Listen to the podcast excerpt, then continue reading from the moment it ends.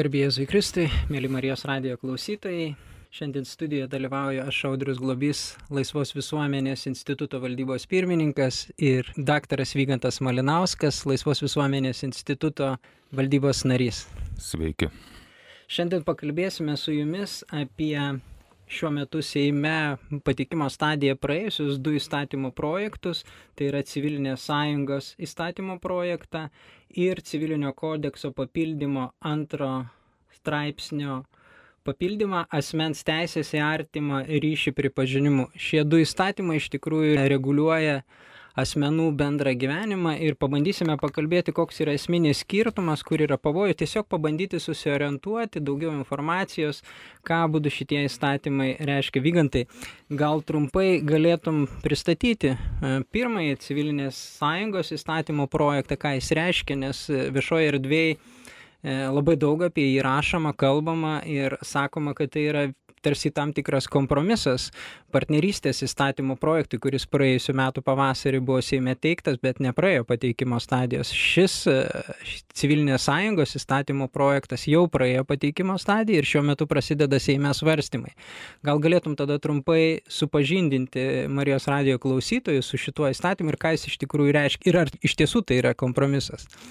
turbūt gal reikėtų pradžiai pasakyti, vėl kaip ir audriu priminė tą istoriją, kad prieš metus buvo bandomas pateikti taip vadinamas partnerystės įstatymo projektas ir to projekto tikslas buvo bendrai gyvenantiem asmenim, nepriklausomai nuo jų lyties, suteikti šeimos teisinį statusą. Tas įstatymo projektas nepraėjo, bet iniciatoriai nuo savo to tikslo Lietuvoje, sakykime, įteisinti naują šeimos sampratą arba pakeisti šeimos sampratą, kuri būtų nepriklausoma nuo asmenų lyties papildomumo, jie šio tikslo neatsisakė ir jie po metų vėl pabandė tą padaryti ir aš manau, kad buvo čia šiuo atveju pasirinkta tokia gudri strategija, nes e, jeigu tu sakai, kad vėlgi teikiu tą patį, tai nu, ta atmetimo reakcija turbūt būtų stipresnė, bet buvo sugalvota tokia taktika, tą patį dalyką tik pavadinti kitaip. Pavadinti ne partnerystės įstatymas, pavadinti civilinės sąjungos įstatymas, pakeisti keletą, nusakyčiau, tokių nereikšmingų kosmetinių dalykų ir pristatyti tą kaip kompromisą.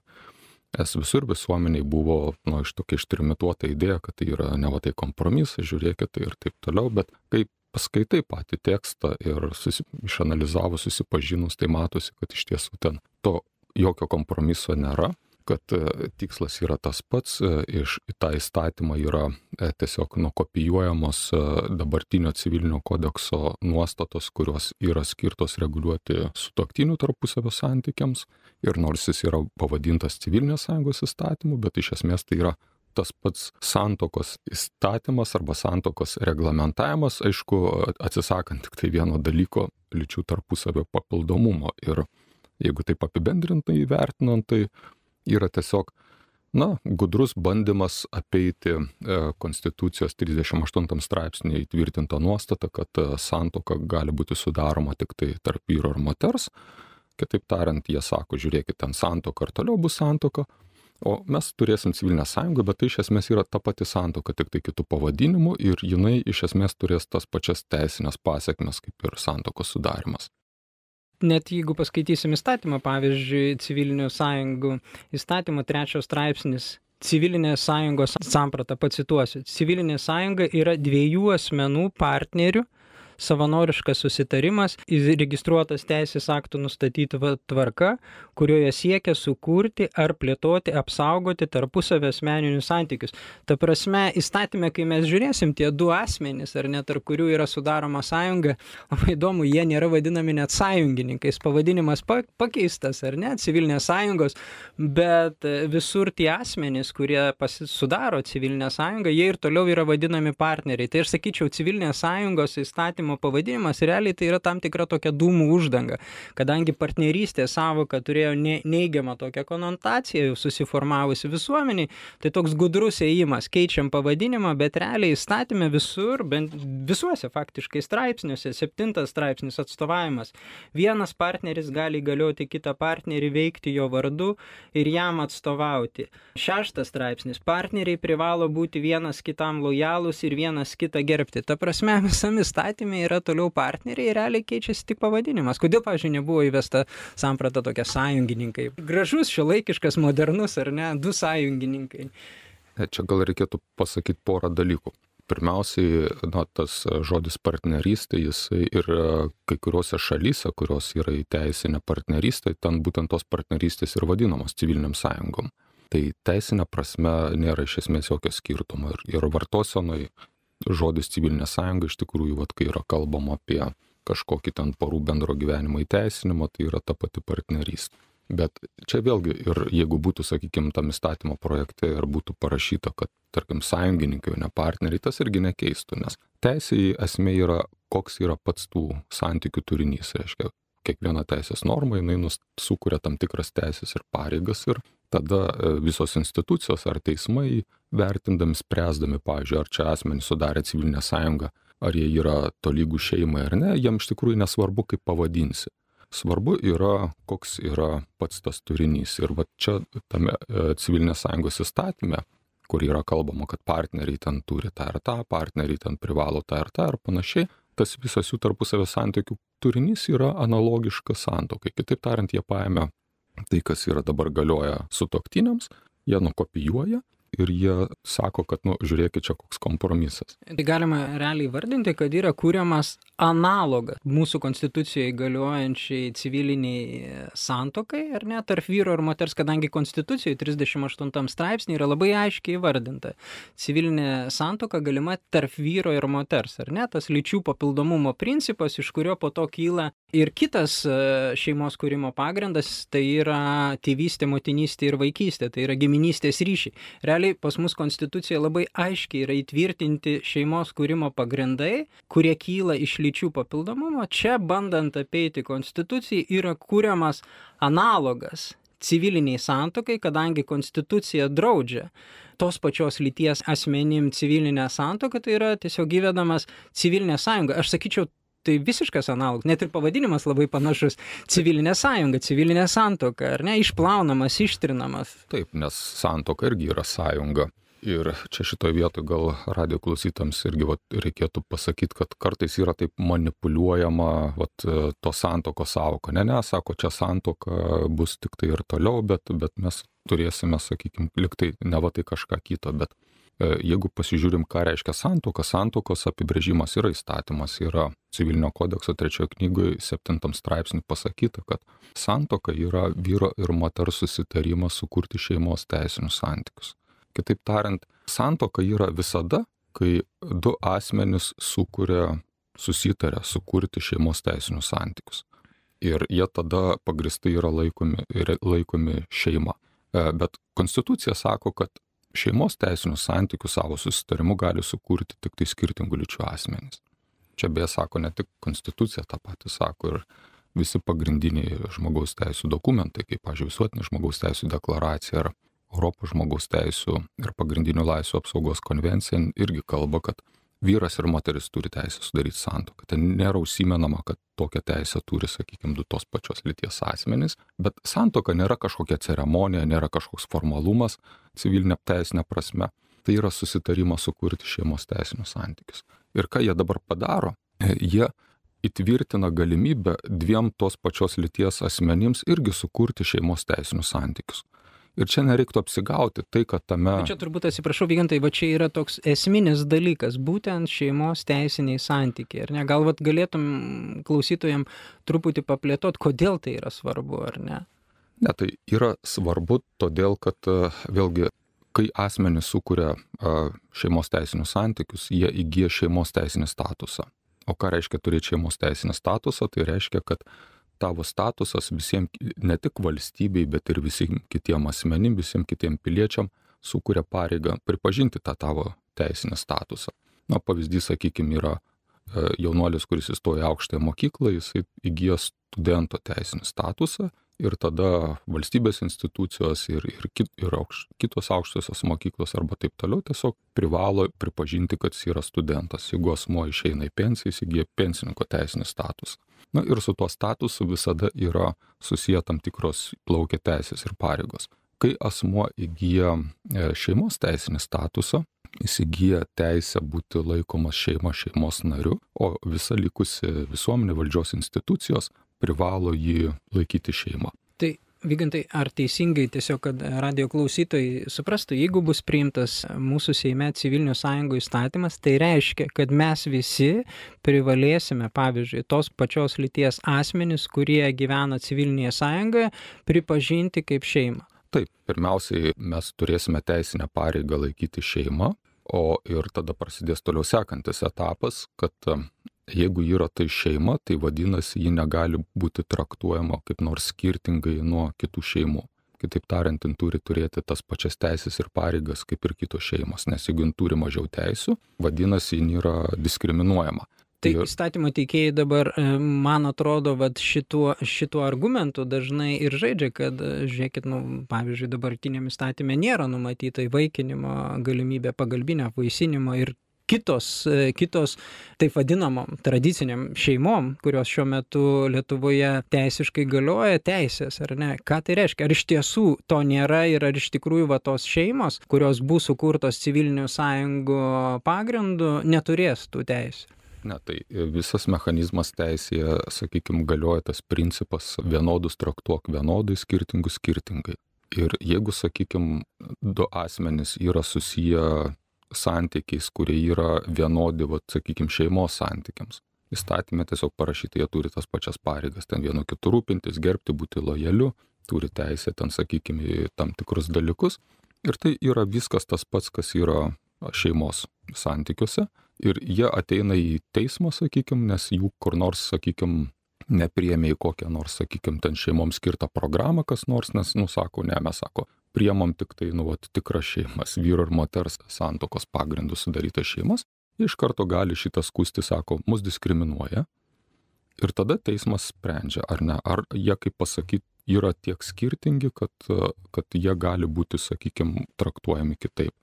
Daugumai Lietuvos gyventojų ir ne tik Lietuvos, viso pasaulio atrodo, kad taip yra skirtingi, nes žmonės savo prigimtiniu protu supranta, kad šeimos santykiai kyla iš vyro ir moters sąjungos ir tuo jie skiriasi nuo visų kitų ten draugysčių, bendryščių ir panašiai.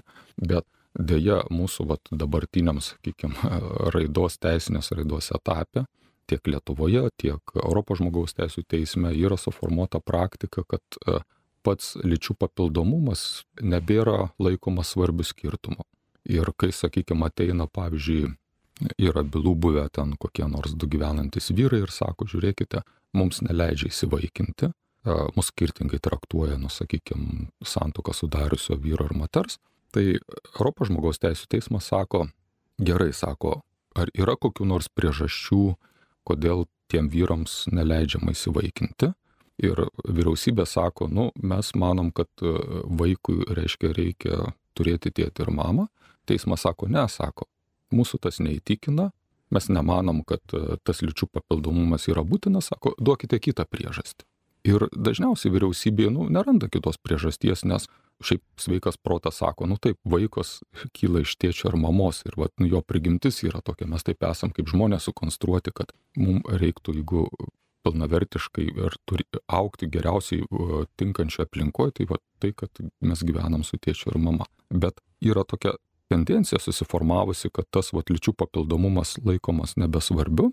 Ir tada teismai sako, nebent dar rastumėt kažkokių kitokių skirtumų. Ir tie skirtumai dažniausiai yra netrandami ir tada jie sako, na, jeigu neleidai įsivaikinti tik todėl, kad tai yra tos pačios lyties asmenys, tai tu juos diskriminuoji nepagristai, tu juos diskriminuoji dėl lytinės orientacijos. Tai va maždaug toks mechanizmas. Tai apibendrinant, ką tas reiškia priėmus civilinę sąjungą nebūtinai kad dar visos jų sakykim teisės ir pareigos bus vienodos bet jisai duos teisinį pagrindą kiekvieną kartą kai asmenys tarkim sudarę santuoką vyras ir moteris ir du vyrai pavyzdžiui sudarę civilinę sąjungą bus traktuojami skirtingai tiem dviem vyram bus teisinis pagrindas skųsti teismui. Ir jie yra maža tikimybė kad jie nelaimės. Jie greičiausiai laimės nes yra tokia nuostata kad jeigu teisų ir pareigų turinys sutampa, tai jie turi būti traktuojami vienodai. Dažnai girdim viešoje erdvėje tokį argumentą, kad čia yra žmogaus teisų klausimas, ar ne, vat būtent tos problemos sprendimas, ir, bet tada kyla klausimas, ar iš tikrųjų yra va tokia teisė tos pačios lyties asmenim vedantiems bendrą gyvenimą, teisė į šeimos santykius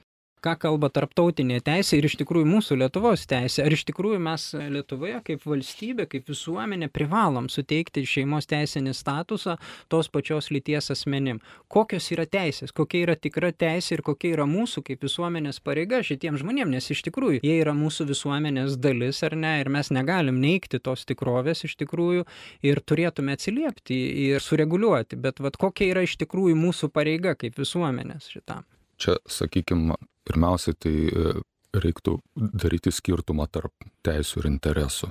Labai dažnai yra tuo manipuliuojama ir yra sąmoningai ir nesąmoningai paėmimas asmenų interesas ir asmenų teisė. Ką reiškia turėti teisę? Teisė yra tada, kai visi kiti turi pareigą, sakykime, man suteikti kažkokį statusą. O interesas yra tai, ko aš labai noriu ir siekiu, kad tai būtų. Pavyzdžiui, sakykime, koks nors, na, nelegalus pabėgėlis, jisai e, labai norėtų gauti čia Lietuvoje, sakykime, nuolatinio gyventojo statusą. Ir kai jo nepriema, jisai šaukia, kad žiūrėkit, pažydžia mano ten žmogaus teisės, jūs čia manęs neleidžiate atvykti ir gyventi. Bet mintis yra ta, kad tai yra jo interesas gyventi, bet tai nėra teisė. Nes jeigu jis turėtų tokią teisę, va, čia apsigyventi Lietuva negalėtų, sakykime, jo neįsileisti arba panašiai.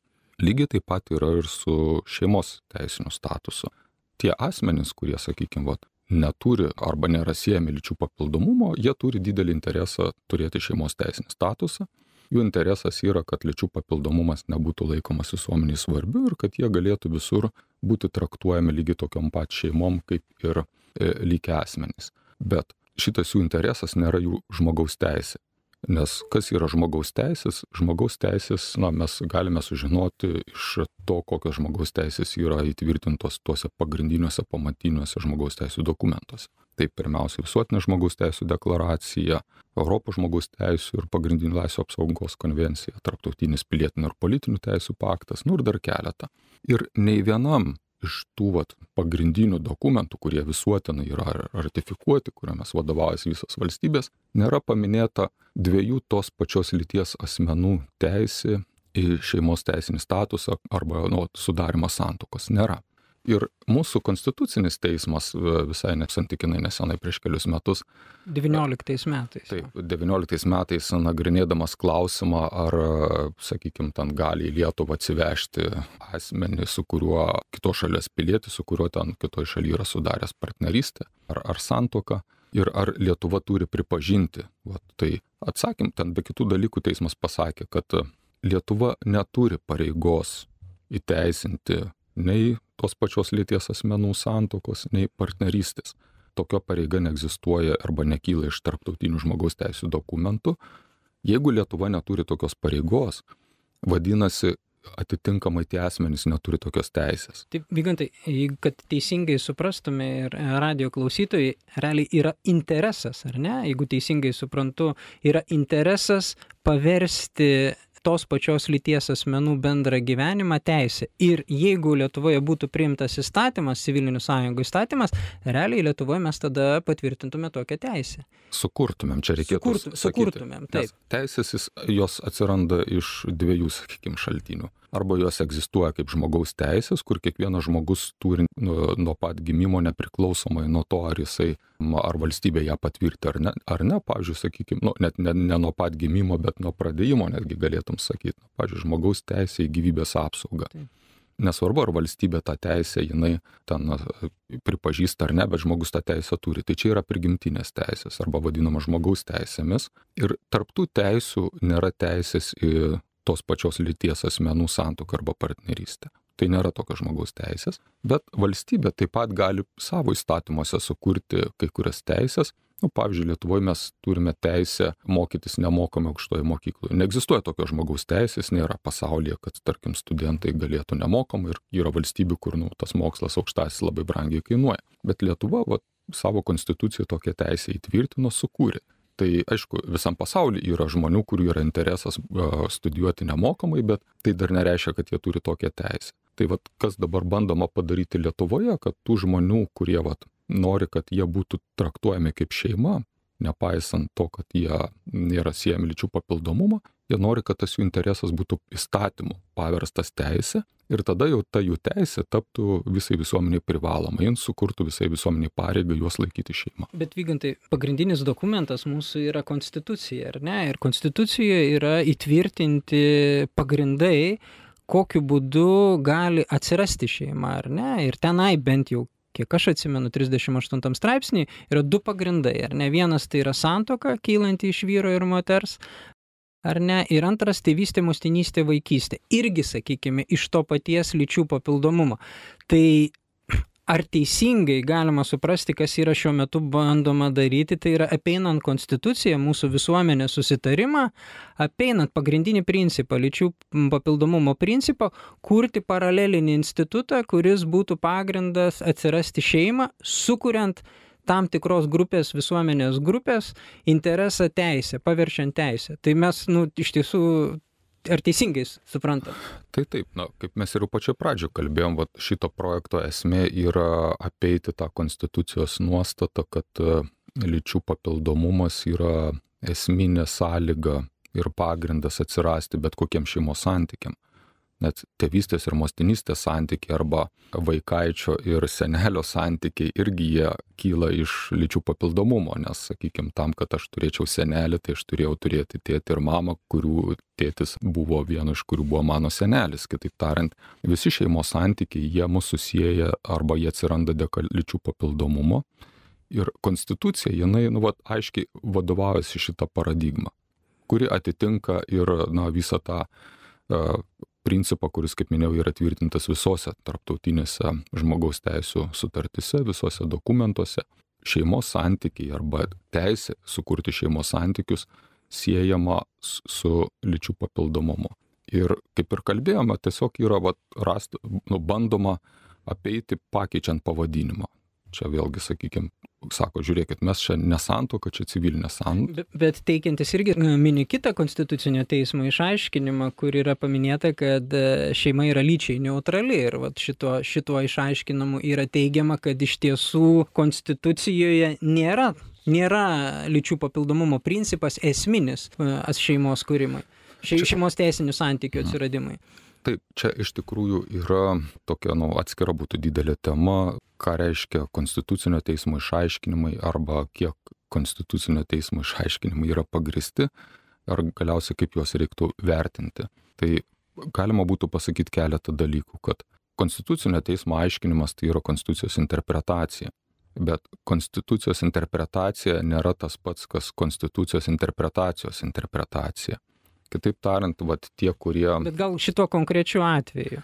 Šito konkrečiu atveju tiesiog yra bandoma interpretuoti tam tikrų būdų ne konstituciją, bet tą, ką konstitucinis teismas pasakė. Pačio konstitucinio teismo išaiškinimo interpretacija. Taip, ne? taip. Ir, ir vėlgi e, ta interpretacija yra daroma išimant šitą vat, konstitucinio teismo ištarmę iš konteksto. Taip. Konstitucinis teismas jisai kalbėjo apie iš tikrųjų jisai vat pasakė kad lyčiai neutrali bet vėlgi tas pats pasakymas jis kaip jį suprasti konstitucinis teismas jo toliau neplėtojo ir neaiškino. Ir čia būtų galima pasakyti kad taip jeigu mes kalbam kad gali būti šeima kuri susijusi natūraliais prigimtiniais šeimos santykiais giminystė pavyzdžiui. giminystė ir taip ją gali nesvarbu ar ją sudaro pavyzdžiui mama ir dukra arba mama ir dvi dukros ar ne? Taip arba arba ten trys broliai arba sakykim dvi seserys kurie irgi vat juos šie sieja šeima pavyzdžiui tėvai mirė ir likę trys broliai, ar ne? Tai iš tiesų. Taip, tai, tai, tai šią prasme, kai mes kalbam, kad... Lyčiai ko, neutralu. Kokios gali būti, tarkim, tos prigimtinės šeimos konfiguracijos, tai iš tikrųjų tų konfiguracijų gali būti ne tai, kad lyčiai ne, neutralu ir čia, va, aš manau, kad teismas arba, nu, kažkas, reiškia, va, nu, teismui bandė įsiūlyti tokią, į, į lūpą įdėti tokią frazę, bet iš esmės tai, nu, gali sakyti taip, pat, pavyzdžiui, mums nėra aktualu, kokių lyčių ir kiek, reiškia, vat, sudaro tą didžią šeimą. Bet e, lygiai tada taip pat galėtumėm kelti klausimą, o tai gal tada ir šeima yra ir skaičiai neutrali. Ir tai čia sekantis klausimas, mes jau galim kitose šalyse matyti, kad tie klausimai keliami iš tikrųjų. Ne, ir, ir ne. monogamijos principas jau yra naikinamas, poligamija, poligamija be, be galo.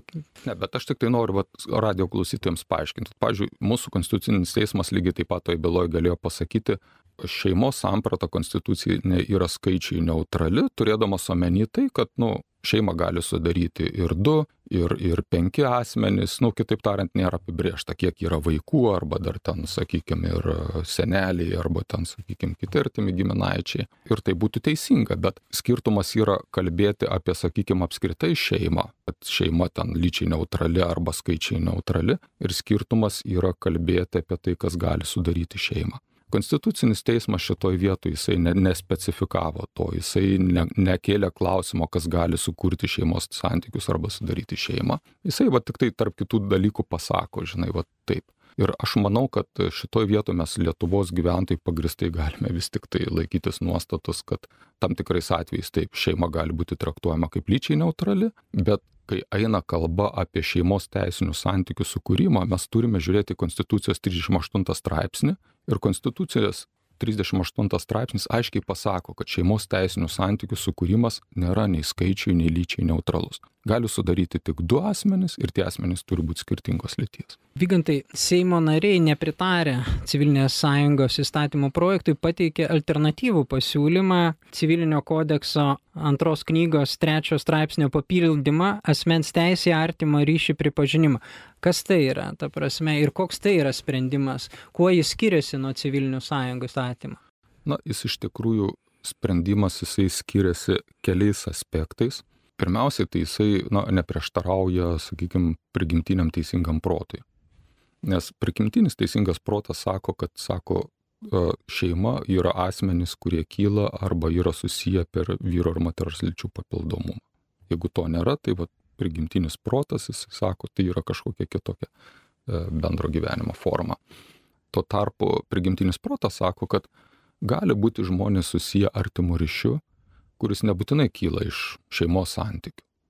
Ir nu, mes žinom, tai gali būti labai artimi bičiuliai, tai gali būti, sakykime, kažkokia e, kitais pagrindais atsiradus labai artima bendrystė, kuri beje gali būti ir daug stipresnė negu kad e, iš šeimos santykių kylanti bendrystė.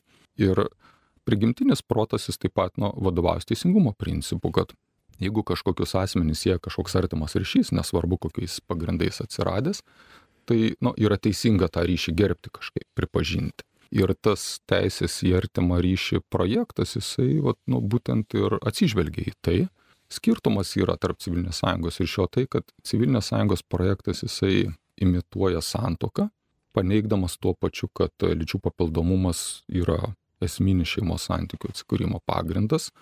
Tuo tarpu teisės į artimą ryšį projektas jisai neimituoja jokios santokos, nieko, Jisai tik tai pasako, kad iš tikrųjų yra teisinga ir gerai valstybei, kad, pavyzdžiui, asmuo nu, neliktų visiškai vienišas, kad jisai gali turėti kitą artimą asmenį, kuris nebūtinai yra jo šeimos narys, bet kuris reikalo esant taip pat galėtų parodyti jo rūpestį, ar jis yra ligoninė, ar, ar ten, sakykime, tvarkant kažkokius jo ūkio reikalus, ar net jeigu nedaug dievė atsidūrė žmogus kalėjime, nu, vad galiausiai, kad galėtų būti, kad kažkas jį aplankytų.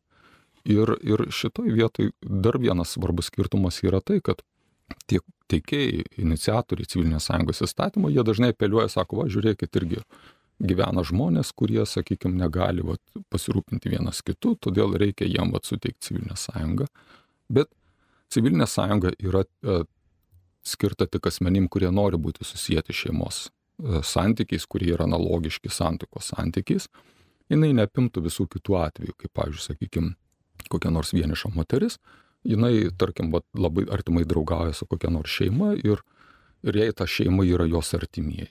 Tai jinai negali su ta šeima sudaryti civilinės sąjungos, bet jinai galėtų būti, sakykime, pripažinti, kad vat, tas žmogus, kuris ten yra kitas žmogus, netampa jos ten, ten sutoktiniu ar, ar sutoktinio pakaitalu, bet jisai tiesiog jai pripažįstamas kaip artimu žmogum.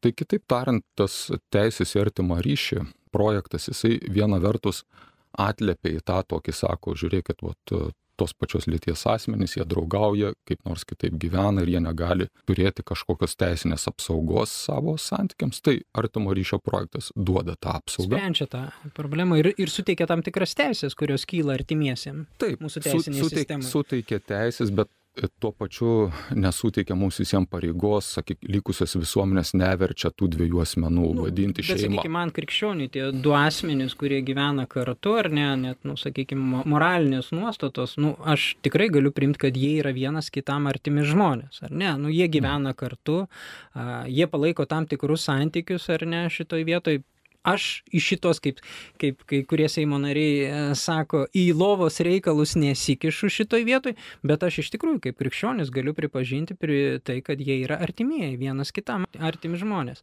O kodėl teisiškai tai yra svarbu, kokias teisės įgyja artimieji mūsų teisinėje sistemoje? Ne, tai čia tikslas yra, kol kas jie, bet irgi Lietuvos teisinė sistema tik tai pripažįsta artimųjų giminaičių. Taip. Artimųjų tai giminaičių arba sutoktinių. O čia leistų, sakykime, tiem žmonėm turėti panašias teisės ar duoti teisinį pagrindą turėti panašias teisės, kaip ir turi artimieji giminaičiai, pažiūrėjau, broliai seserys ar ten anūkai seneliai ir panašiai. Na ir tos teisės gali būti įvairios, pažiūrėjau, gauti informaciją gydymo įstaigoje, sakykime, paveldėti, ten lankyti kur nors asmenį ir, sakykime, jį atstovauti, nu, vis arba neliūdyti tame tarpe viens prieš kitą nebūti verčiamam liudyti teisme, nes nu, tada tas nu, yra uh, lojalumo, nu, sakykime, prioritetas, ar ne, kad tu šiuo atveju tu nu, artimas asmuo ir tuo remės, kad ir esam viens kitam ištikimi ir lojalūs ir panašiai. Kitaip tariant, tai būtų visas spektras tų ir čia vat, gal klausytams tai būtų, kad aiškiau būtų tai analogija, kaip vat, mes turim su vat, artimais giminaičiais. Nesu, nesu su tuoktiniais, ne, bet, bet būtent, vat, sakykime, kaip broliai, seserys, pusbroliai. Dėdės ir žmonės. Tiesų, jeigu a, yra tam tikras, tam tikras pirmumo teisė, ar ne, tėvai, broliai, seserys, pusbroliai, dėdės, ar neįgyja tam tikras teisės, tai šitoj vietoj žmonės, kurie įgytų artimojo statusą, kaip pasiūlymas teikia, tai yra pasirašę susitarimą dėl bendro gyvenimo, tai yra gyvenantis kartu ir, apie, ir pasirašę susitarimą, arba asmenys, kuriuos jie globos, rūpybos santykiai, arba yra sudarę susitarimą dėl tarpusavio išlaikymo. Tai yra įteisinę kažkaip savo tą artimą ryšį, ar ne? Mhm. Taip, ir čia vat, svarbu irgi paminėti, čia vat, paminėjai audriu tą e, susitarimas dėl tarpusavio išlaikymo. Čia irgi būtų tokia labai svarbi naujovė, kuri, kuri beje e, galėtų stipriai prisidėti prie tokio vienišumo ir atskirties mažinimo Lietuvoje. Nes tarkim yra du kažkokie seni draugai arba draugės. Ir jie, kaip pasakyti, nu, neturi kitų artimesnių žmonių ir jie nori vienas kitų pasirūpinti. Ir jeigu kam nors kas atsitiks, ten papuls į avariją, į ligoninę ar taip toliau, kad galėtų aplankyti, gauti informaciją ir panašiai. Tai šitas teisės ir artimo ryšį pripažinimo įstatymas, va, jiem duoda tokį teisinį įrankį. Jie gali taip susitvarkyti, jiem nereikia susituokti. Jiem nereikia sudaryti civilinės sąjungos, pagal kurią jie taptų kažkuo kaip panašus į ten e, vyrą ir moterį, reiškia, sutoktinius. Tuo tarpu civilinės sąjungos įstatymas, jisai, vat, nu, iš esmės tik tai apsiriboja tik tai tais, kurie nori vat, turėti šeimos statusą ir palieka už borto vat, visus tuos kitus atvejus, apie kuriuos mes kalbėjome. Vygintai, va, įdomu paties nuomonė, kodėl va šitas pasiūlymas artimųjų ar ne statuso suteikimas e, ir tos pačios lyties asmenim, kurie e, gyvena kartu pasirašydami e, susitarimą dėl bendro gyvenimo, kodėl jis jiems netinka, nes toks žiniasklaidoje mes matėme ir patyčių ir, pavyzdžiui, LGBT bendruomenės vadovas, vienas iš vadovų Simonko net pavadino brolybės įstatymu. Man tai labai gražiai skamba. Brolybės įstatymą, iš tikrųjų tai tam tikras krikščioniškos bendruomenės bendruomenės pasiūlymas, kaip spręsti šitos dalykus, neardant šeimos ar, ar ne, ne, neplečiant jos, ne, ne, nepeinant konstitucijos, bet tiesiog, kaip ir jie patys sako, ieškant tų sprendimų, kurie sureguliuotų jų bendrą gyvenimą ir suteiktų tam tikrą statusą visuomenė. Kodėl netinka artimųjų? Kodėl, kodėl reikia būtent šeimos statusą? Na, čia.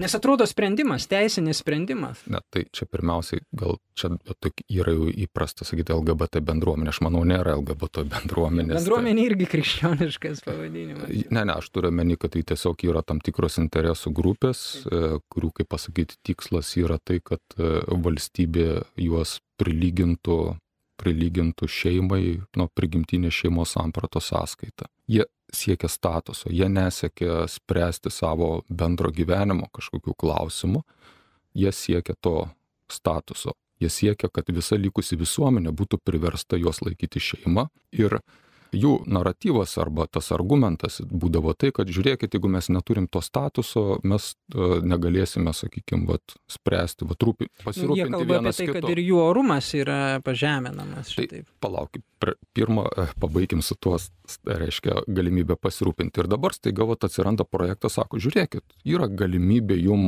sudaryti, vat, suteikti teisinę apsaugą ar teisinį pagrindą jums viens kitus rūpintis ir taip toliau. Tam juk nereikia suteikti šeimos teisinio Ir statuso. net tam tikras statusas visuomeniai, artimųjų, Nu, prasme, taip, statuso Taip, ties, suteikimas. ties, tiesiog jums nebūtina turėti šeimos teisinį statusą, jūs galite turėti. Jūs neturit būti statusą. du tėčiai, du vyrai, dvi mamos. Jo, ir, ir, ir aišku, jiem tas tada jiem kliūva, nes jie tada, va, tas jų naratyvas sugriūna, nes jų dabar naratyvas buvo tai, kad jeigu mes neturėsim partnerystės, civilinės sąjungos, tai mes negalėsime, sakykime, va, turėti mūsų bendram gyvenimui teisinės apsaugos. Staiga atsiranda alternatyva ir aišku, jiem tas netinka, nes jų tikslas nėra tik tai ta apsauga, bet jų tikslas yra, yra būtent turėti tą šeimos teisinį statusą. O dabar orumo klausimas, čia irgi kitas svarbus klausimas ir kuriuo yra dažnai manipuliuojama. Ir, na, žinoma, kad e, visiems yra svarbu, bažnyčiai yra labai svarbu žmogaus orumas, bet čia reikia suprasti irgi tai, kad tai, kad, sakykime, tu verti kitą asmenį laikyti tave tuo, kuo tu nesi, nei tavo orumo apsaugo ir nei gerbė to kito asmens orumo.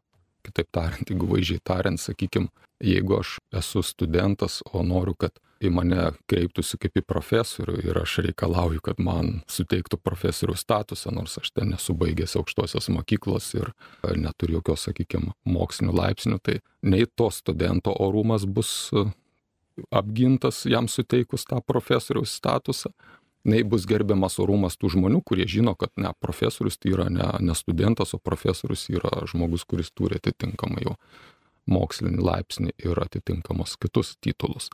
Tai šitoj vietoj iš tikrųjų tas orumo argumentas yra na, visiškai e, ne vietoje arba irgi juo manipuliuojama ir rezultatas yra toks, kad tam, kad jie galėtų oriai gyventi kartu, vienas kitų rūpintis, jiem nereikalingas šeimos statusas. Bet jeigu jie įgis šeimos statusą, tai bus pažeistas orumas tų visų likusių asmenų, kurie savo prigimtiniu protu vadovaudamėsi sako, kad šeima gali kilti tik tai iš lyčių papildomumo. Kitaip tariant, problema yra ne jų orumo apsauga, problema yra visos likusios visuomenės orumo apsauga vadovautis savo prigimtiniu protu. Ačiū Vygantai, E, kadangi mūsų laikas baigėsi ir dar tiesiog tam tikras e, akcentas, kodėl tai yra svarbu ir, ir šiuo metu iš tiesų e, visoje toje situacijoje, karo Ukrainos situacijai, mums šitas klausimas gali atrodyti kaip antrailis, trečiailis, galbūt netoks svarbus, bet nepamirškim, kad mūsų konstitucijoje šeima yra visuomenės ir valstybės pagrindas. Ir čia yra sprendžiama tikrai e, labai svarbus klausimas, kaip bus teisiškai sureguliuota ir kas, kas iš tikrųjų mūsų, mūsų visuomenėje ir valstybėje bus visuomenės ir valstybės pagrindas, ar šeima, kuri konstitucijoje yra įtvirtinta lyčių papildomumo principą, ar mes vis dėlto ją keisim. Ačiū Vygantai už, už, už dalyvavimą laidoje, tikiuosi kažkiek praplėtėm, aišku, šita tema yra labai plati, galbūt dar kartą susitiksime. Ačiū gerbėmi Marijos radijo klausytojai, su Dievu. Sudė.